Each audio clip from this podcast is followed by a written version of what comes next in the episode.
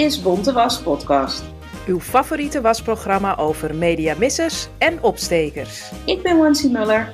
En ik ben Zoe Papa Economo. En in deze aflevering zijn we niet met z'n tweeën, maar is Nadia Zerouali onze gast. Ze is kookboekschrijfster, presentator en programmamaker.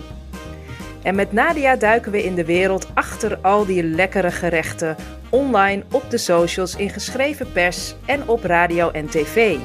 Hoe is het gesteld met de diversiteit binnen en buiten deze foodmedia? Nadia, welkom. Dank je.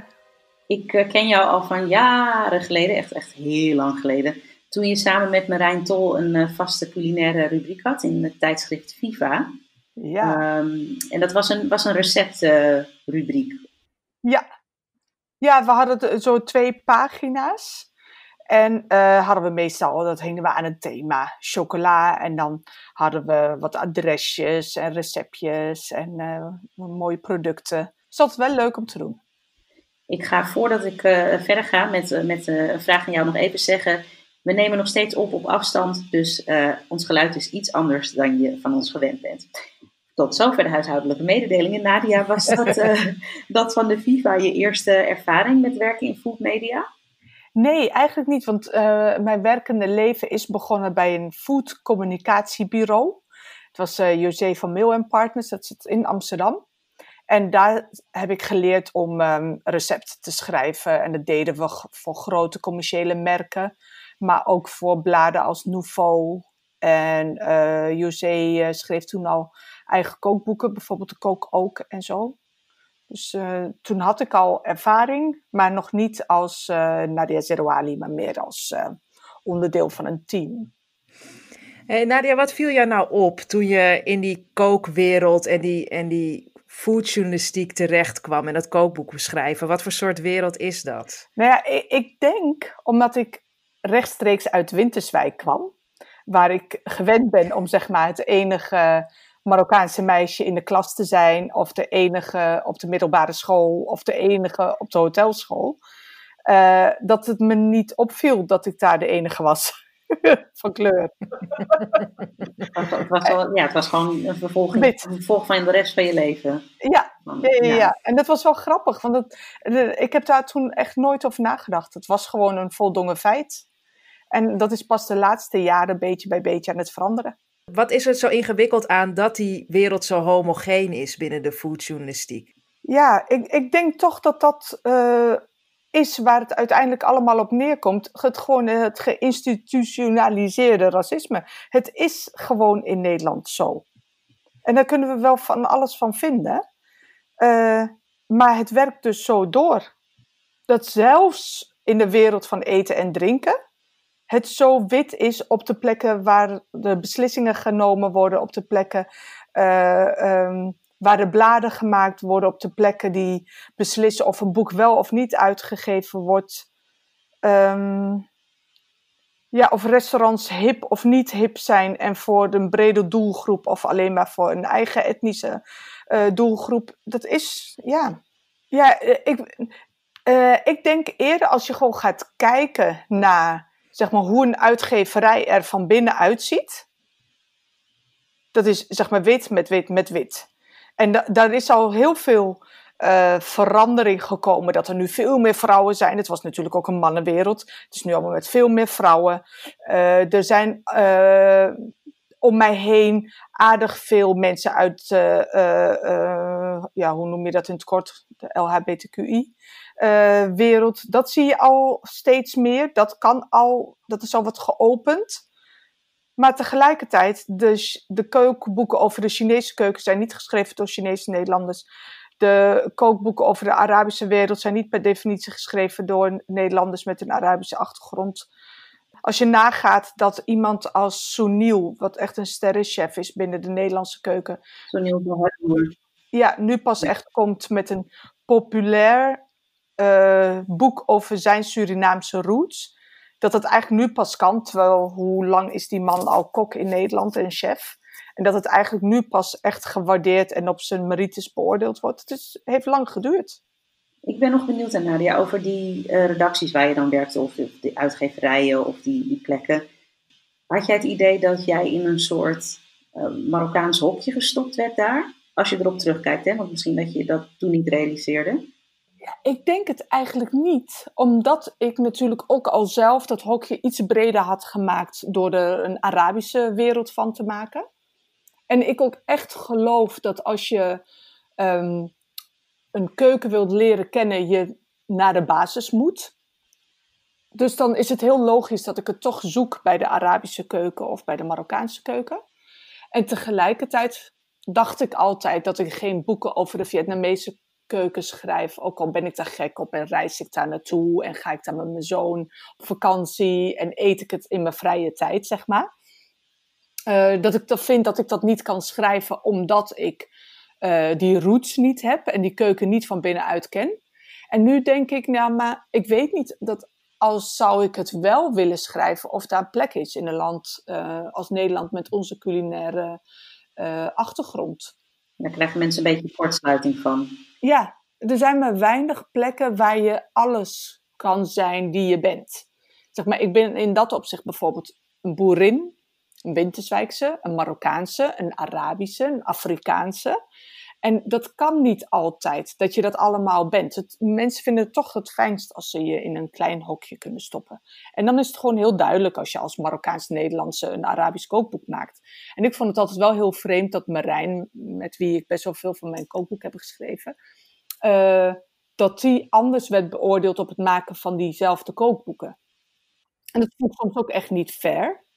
Weet je, dat ze dan alleen maar naar mij gingen kijken, terwijl we samen op reis waren geweest bijvoorbeeld. En er werd alleen maar mijn kant op gekeken als ik erover wilde praten.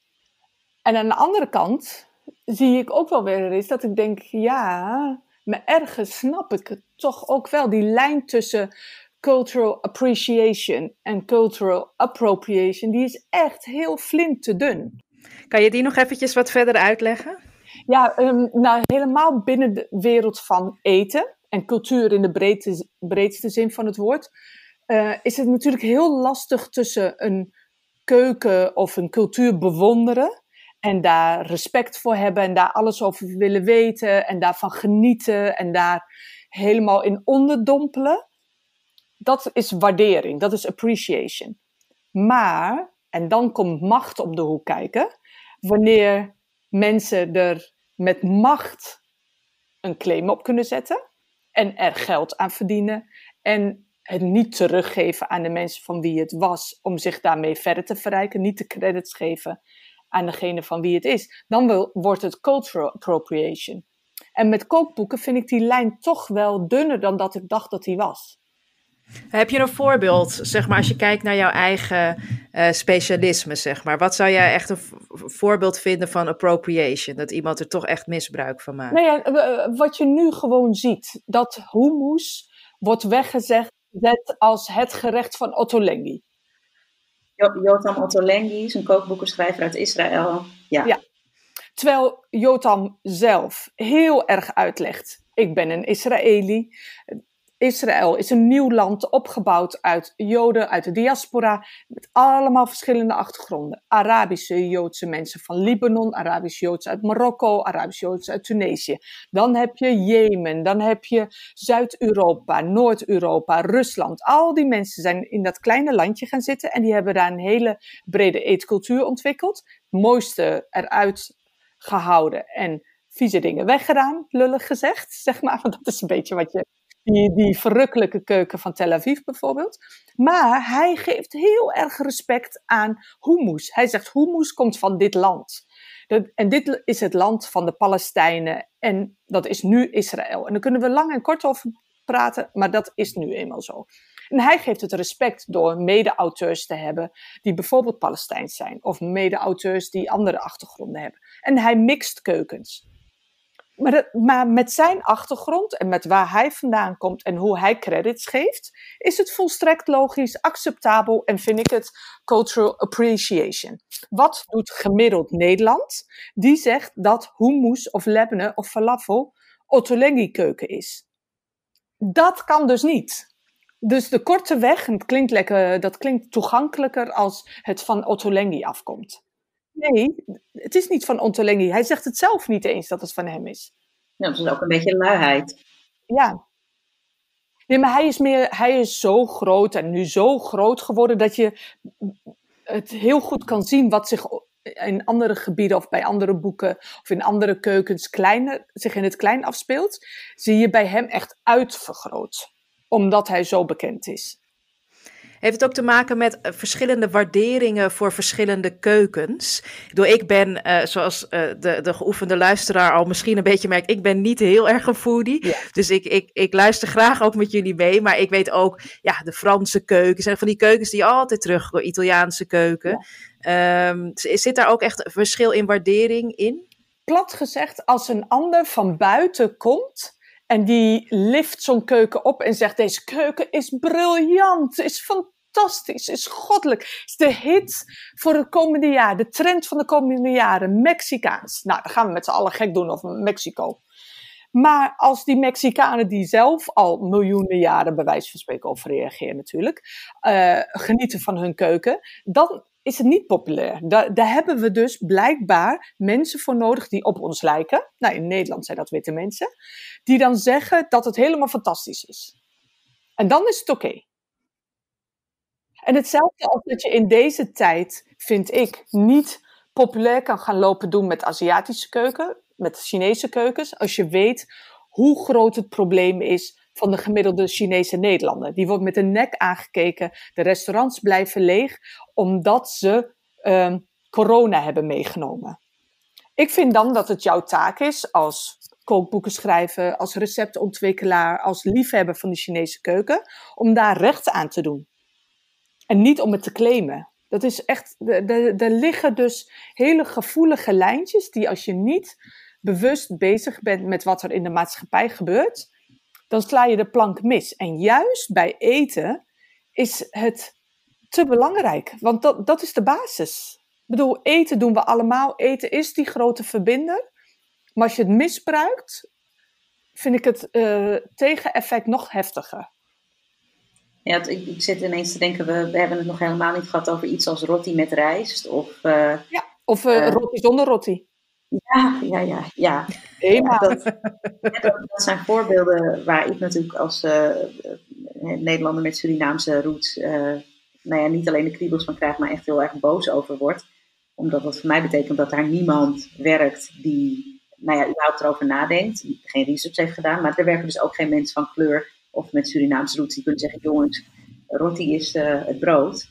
En roti met rijst gaat helemaal nergens over. We hebben het nu over een voorbeeld van de HEMA, die een gerecht dat, dat zou heten. Maar bijvoorbeeld. Um... Maar wat vind jij ervan als ze alles een pannenkoek noemen? Ik word dan furieus. Roti is pannenkoek, flatbread is pannenkoek, msemen ja. is pannenkoek, alles is pannenkoek. Ga lekker wat anders doen. Ga je een beetje inlezen. Heb een beetje respect je zou ook kunnen zeggen dat de, de Nederlandse pannenkoek, uh, of tenminste dat de, de pannenkoek de Nederlandse semen is. Ja, bijvoorbeeld. Ja. Maar als ik dat zeg, dan ben ik niet goed geïntegreerd. Punt. Touché.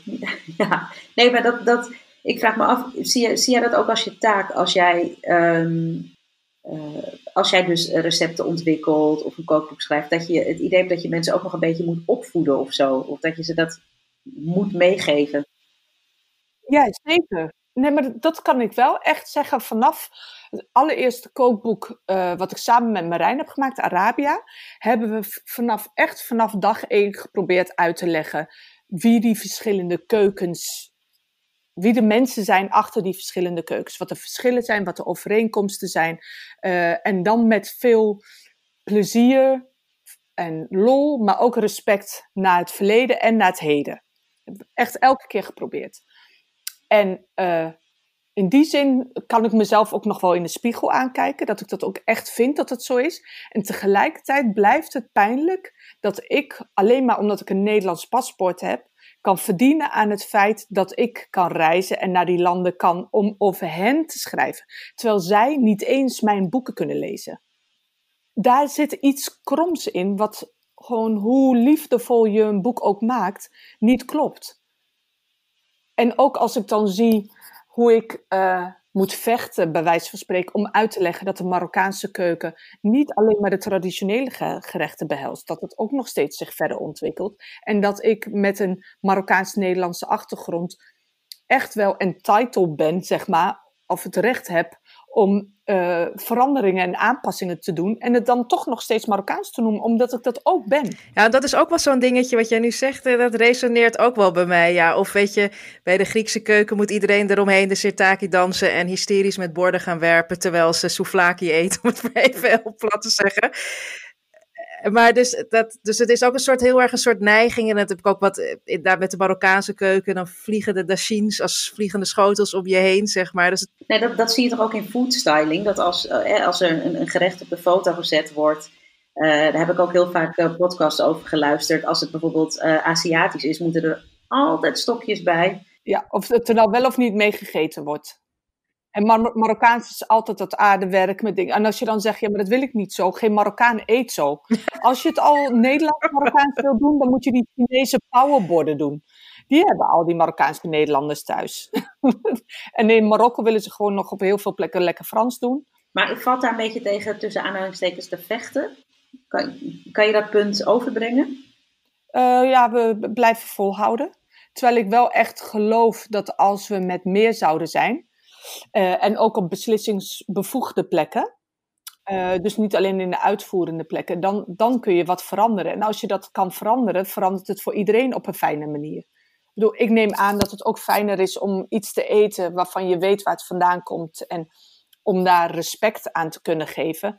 En ook vanuit respect weer te kunnen veranderen. Want ik vind helemaal niet dat je iets niet mag veranderen. Of dat jij uh, niet Marokkaans mag gaan koken, Wansi, of jij Zoe.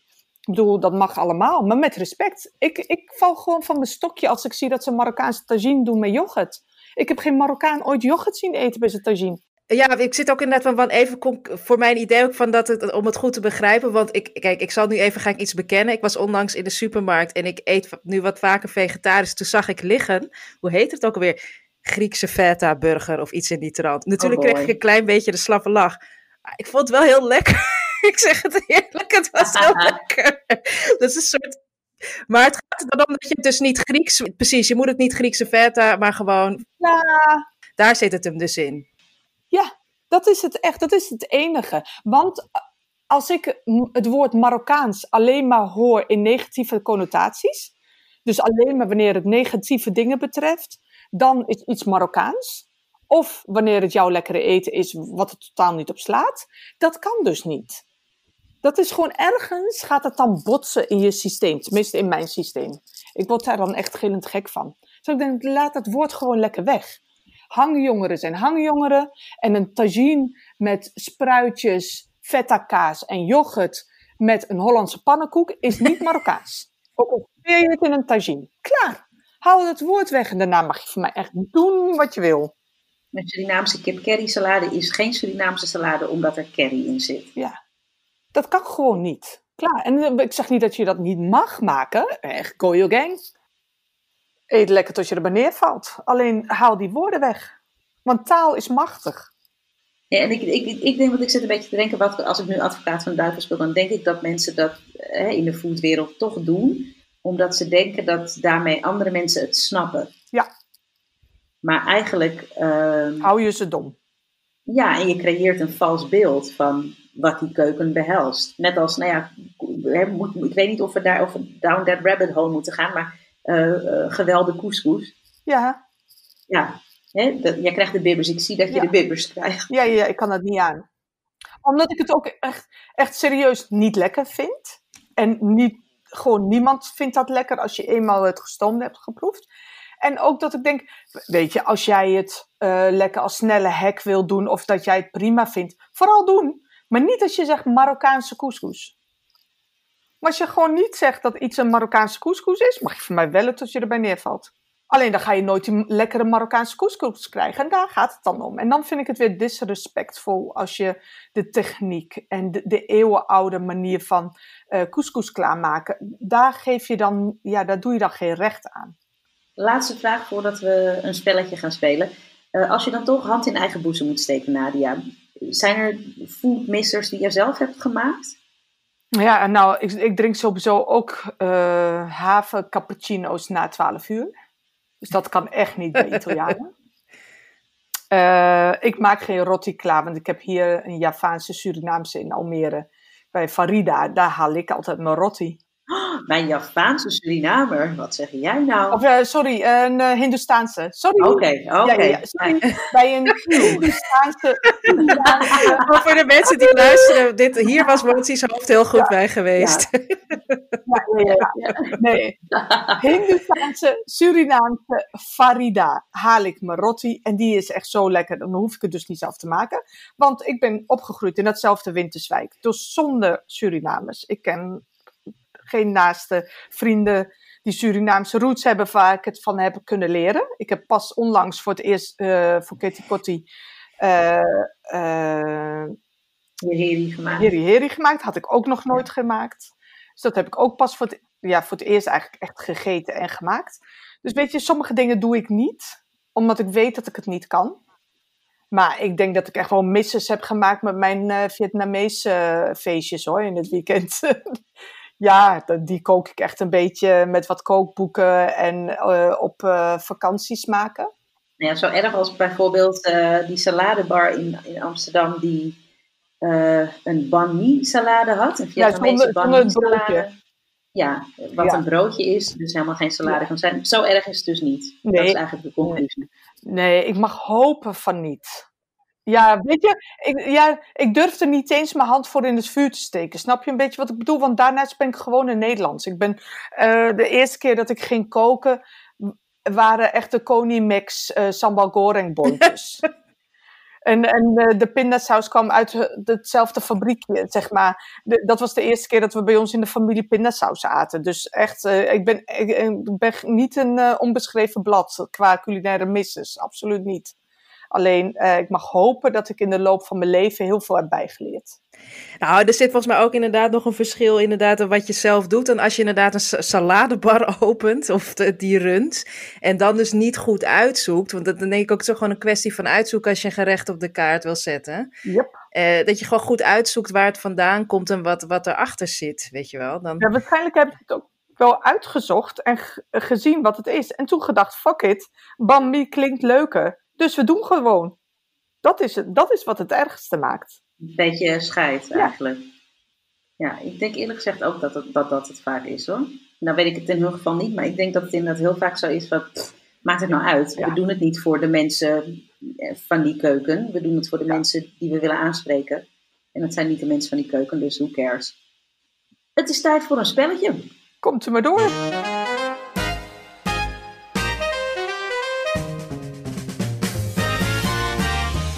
Kwartet. Het Blinde Vlekken Kwartet. Het Blinde Vlekken Kwartet. Het Blinde Vlekken Kwartet.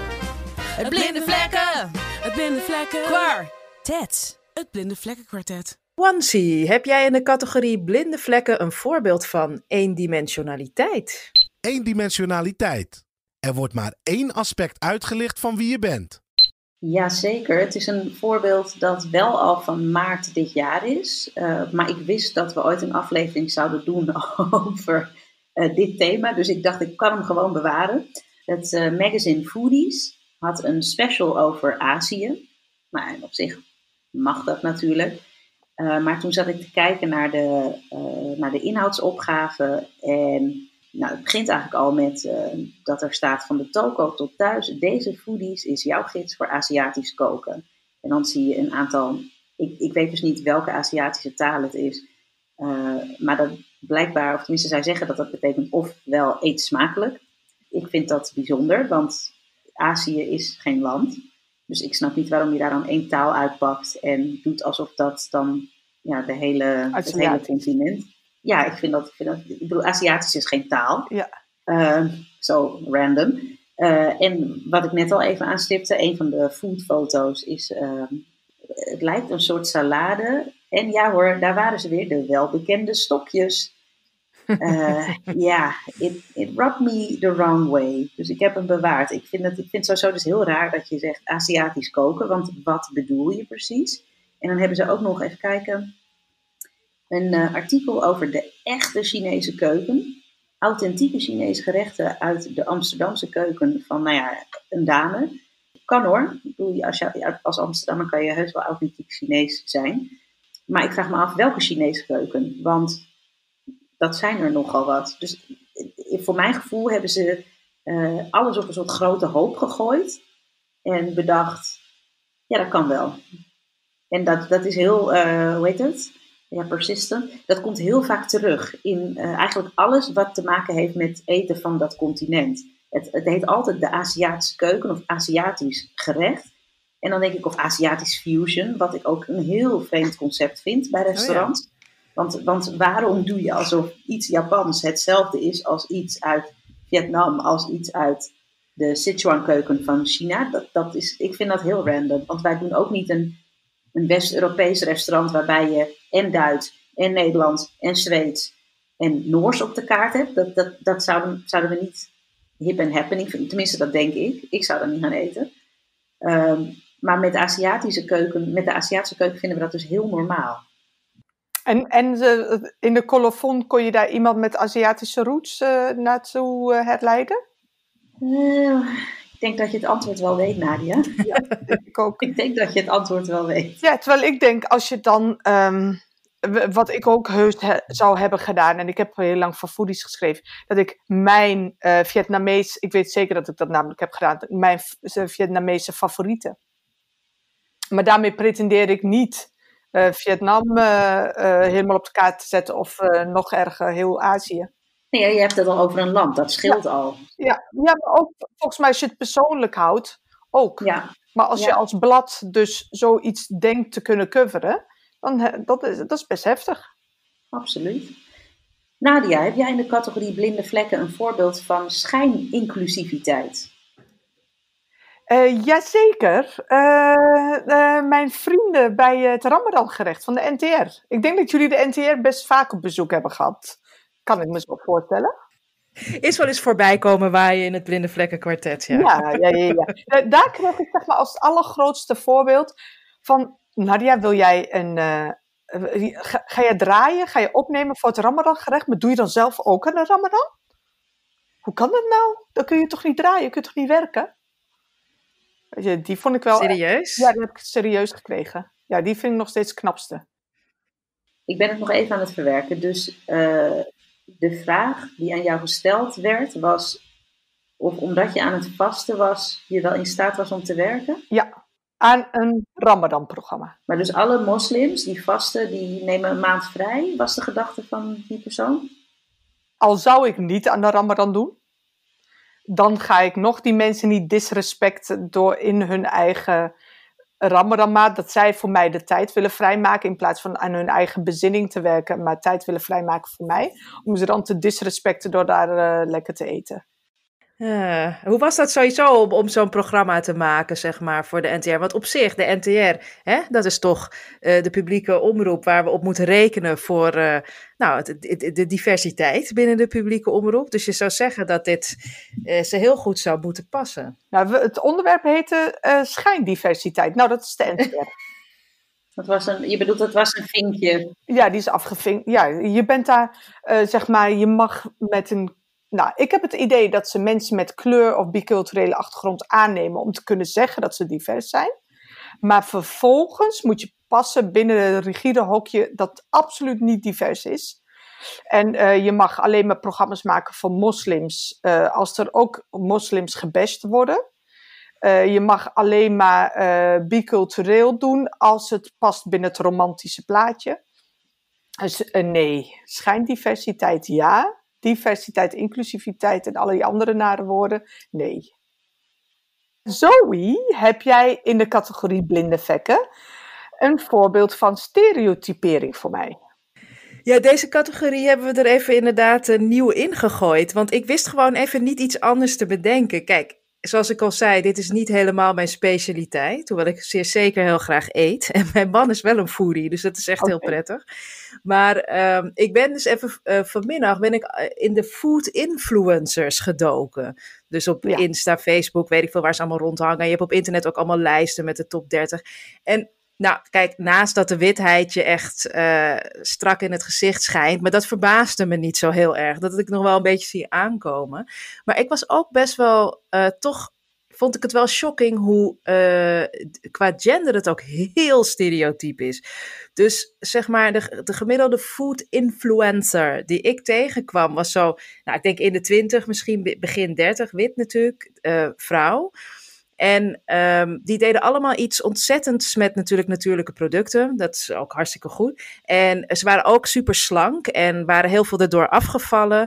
En um, dus het was heel erg gericht op nou ja, en, en, gezellig. Het was ook heel gezellig. Alle gerechten moesten gezellig zijn. En mooi. En, ja, en mooi. En, en, en vooral vrouwelijk en dun, zeg maar. Het was allemaal heel dun. Dat is wat ik er heel erg op me afkreeg. En er stond dan tegenover dat dus de, de, de, de mannelijke, de mannen die ik tegenkwam, die waren allemaal robuust. En nou ja, uh, dansten rond met vlees natuurlijk. Die waren de hele tijd aan het barbecuen.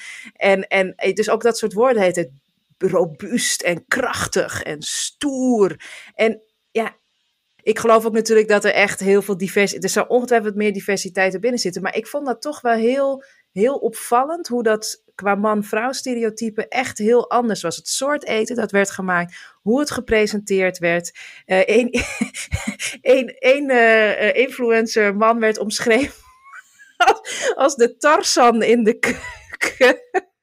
Oh zo, omschreef zich, zo omschreef zichzelf niet overigens maar dat deed iemand anders. Maar dus, weet je, dus de spierballen spatten er ook vanaf. Als je, alsof, alsof je als man dus extra mannelijk moet doen om geassocieerd te worden met koken. Dat viel me ook wel heel erg op. Dus, maar goed, misschien. Hè? Ik ben even benieuwd hoe jullie, als ik dit zo vertel, of, of jullie dat herkennen. Of dat ik gewoon in een soort, soort niche terecht ben gekomen in mijn search.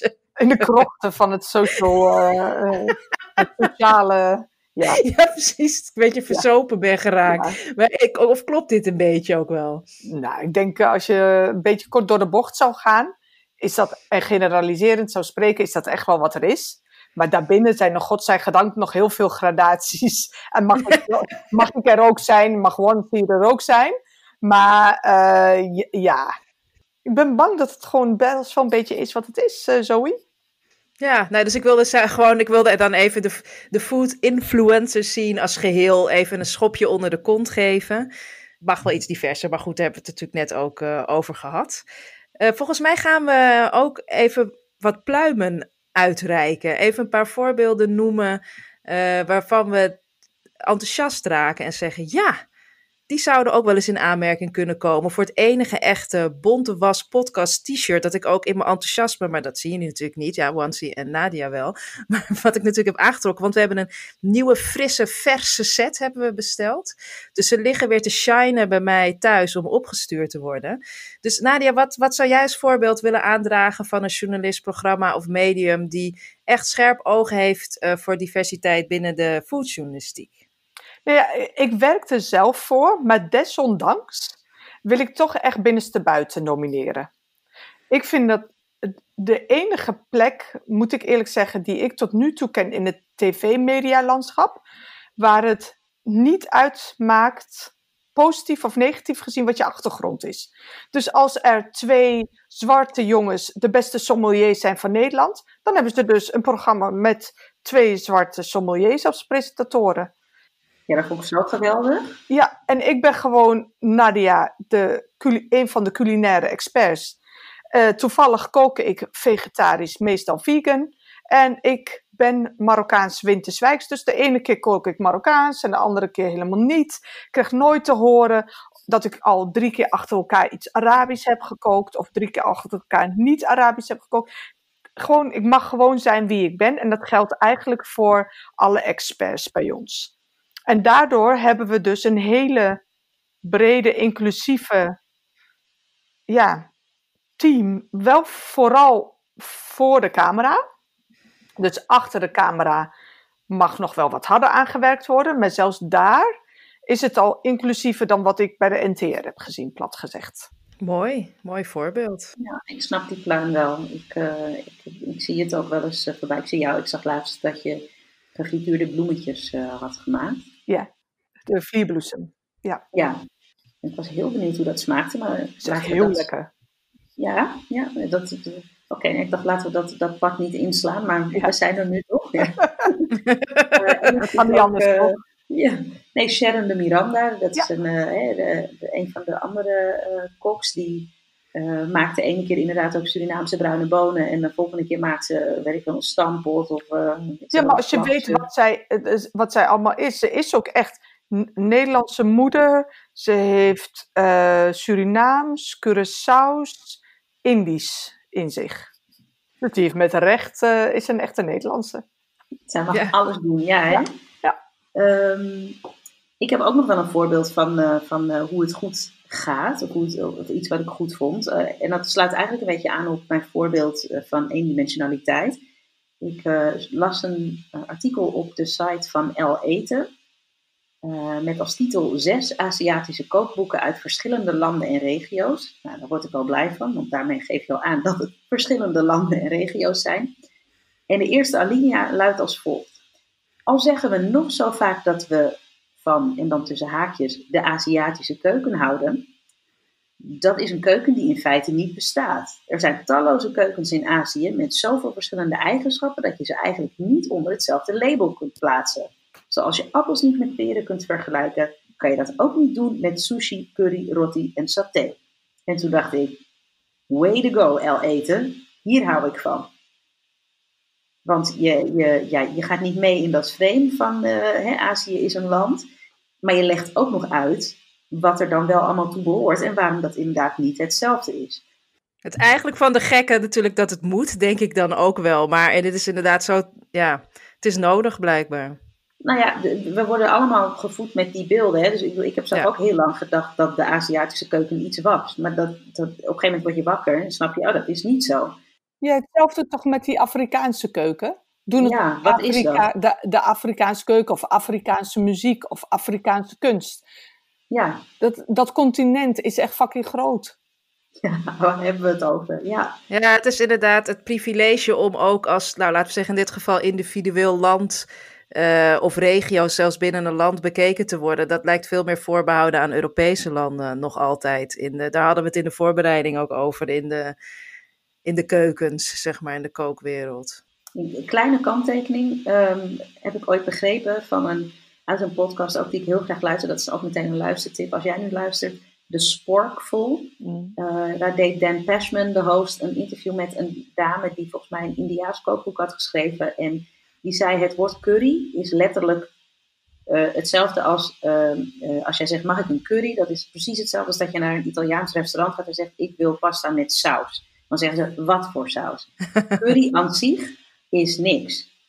Ehm, dus dat is, maar en dat, dat is trouwens, dat vergeet ik, dat is natuurlijk ook echt een heel goed voorbeeld van iets wat mensen niet weten hier. En iedereen heeft het maar over curry dit, curry dat. Maar dat, dat bestaat dus niet als zodanig. Maar goed, dat was even een kleine kanttekening bij mijn toch positieve voorbeeld van L eten. Eh, ja, ik wilde ook nog wel even een, een, een pluim uitdelen, namelijk voor Hasna Bouassa. Eh, zij is ook, vind ik, een hele mooie stem. In, in mijn, zeg ik wel eerlijk, beperkte kennis van de foodjournalistiek. Maar ik, ik lees haar eh, columns, ook samen met jou, Nadia. Gela- Schrijft ze natuurlijk af en toe voor NRC. Ehm, haar kookboekentips en kookboekenanalyses die ze schrijft. Ook voor Aisha Kandisha, haar, haar blog. Eh, ik vind, wat ik heel mooi bij haar vind als zij over eten schrijft, is dat ze ook over het verhaal, nou ja, waar, waar we het eerder ook over hadden, rondom eten, met heel veel respect daarover schrijft. Dus dat is iets wat ik, ook als iemand die niet eh, dat als, als speciale interesse heb, wat ik heel, eh, waar ik een, altijd een heel warm en fijn gevoel bij krijg als ik haar stukken lees. Ja, en, en ik denk dat dat dus komt omdat je een gelaagd verhaal krijgt. Van Ja. iemand met kennis van zaken, met liefde, met respect, eh, met interesse, eh, zonder arrogantie. En dan krijg je dus een. En, dat is zeg maar het genot van een biculturele achtergrond. Is dat je die antennes hebt. Dat je die verschillende dimensies kent. Die verschillende lagen. Waardoor je dus ook als je over eten schrijft. Je niet zo makkelijk in zo'n vuilkuil zou trappen als doen alsof iets één keuken is. Maar je gaat je verdiepen, je gaat je inlezen. Eh, en dat is wat ik echt, ja, ik- snap je pluim. Ik herken dat in haar eh, omschrijvingen. Dus die gelaagdheid die je wil. Nou ja, nu we al die eh, voorbeelden hebben gehad, eh, zowel goed als voor verbetering vatbaar, is het tijd om prijzen uit te reiken. We hebben een fles zeepje wasmiddel wat we gaan opsturen. naar degene die nog wel wat vlekken weg heeft te wassen. En we hebben een effe t-shirt met als boodschap daarbij: hou het schoon. Voor iemand die het dus goed doet, uh, wat betreft uh, diversiteit in de foodjournalistiek. Even een samenvatting, korte samenvatting. We hebben het gehad over een foodies dat een special deed over Azië. waarin een hoop clichés over het continent voorbij kwamen. ik zeg stokjes, ik zeg een taal waarvan we geen idee hebben welke taal het was. We hebben het voorbeeld van Nadia van het Ramadan-gerecht van de NTR. Uh, waarbij uh, de mensen die aan het programma werken eigenlijk helemaal geen kennis hebben van wat de Ramadan inhoudt. En nul respect leken te hebben voor de mensen die aan de Ramadan meedoen. Wat natuurlijk zeer bijzonder is als je een programma maakt over de Ramadan. En dan hebben we nou ja, de, de gehele foodblog. zeg maar de, ja, de meest bekende foodbloggers uit de Nederlandse uh, ja, influencers zien die aan stereotypering doen. Hè. Alle vrouwen zijn uh, slank, uh, hebben een gezinnetje en alles is gezellig en mooi. En de mannen zijn allemaal sterk, robuust en eten lappen met vlees. Nou, dat zijn de voorbeelden. Hè. Aan een van die drie voorbeelden gaan we een fles wasmiddel weggeven. En dan hebben we ook nog als positieve voorbeelden El Eten, die heel duidelijk uitlegt dat de Aziatische keuken niet bestaat. We hebben Hasna Bouassa, die uh, mooie uh, verhalen schrijft voor het NRC over koken.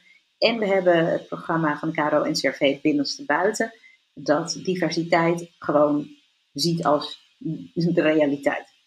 Uh, Nadia, wie mag volgens jou een fles wasmiddel krijgen? NTR is een verloren zaak. Dus ik zou hem echt naar de Foodie Magazine uh, sturen, want daar heb ik dan nog wel hoop. Dat ze er misschien nog iets van oppikken. Ja, zeker. Wat zeg jij, Zoe? Ja, nee, dan, ik moet gewoon heel hard lachen om, om Nadia's keuze. Nou, dan ga ik daarin mee. Ik, zat, ik vond wel de NTR, maar het is inderdaad, ja, nou, laten we maar gewoon dan foodie doen, ja. Ja, ja want ik, ik zat ook te denken aan de NTR, maar jij, jij weet dat beter uh, dan wij. Als jij zegt dat dat geen zin heeft, dan, dan, gaan we dat niet doen. Dan gaat het wasmiddel van Seepje naar uh, Foodie Magazine. En dan hebben we nog een t-shirt weggegeven. Dus de kanshebbers zijn El Eten, uh, Hasna Bouassa of Binnenste Buiten. Nou ja, ik uh, weet wel dat het naar Binnenste Buiten mag gaan, wat mij betreft. Ja, hier, hier, wil ik niks over zeggen, want ik vind ze alle drie echt fantastisch. Ja, maar je moet, want we zijn met z'n drieën. Oh. Dus als Zoe en ik met z'n tweeën, oh. dan, dan, als wij niet hetzelfde zeggen, dan ben je, moet jij de doorslag geven. Wat zegt jij, Zoe? Nou, ja, weet je wat ik toch ook weer ineens denk?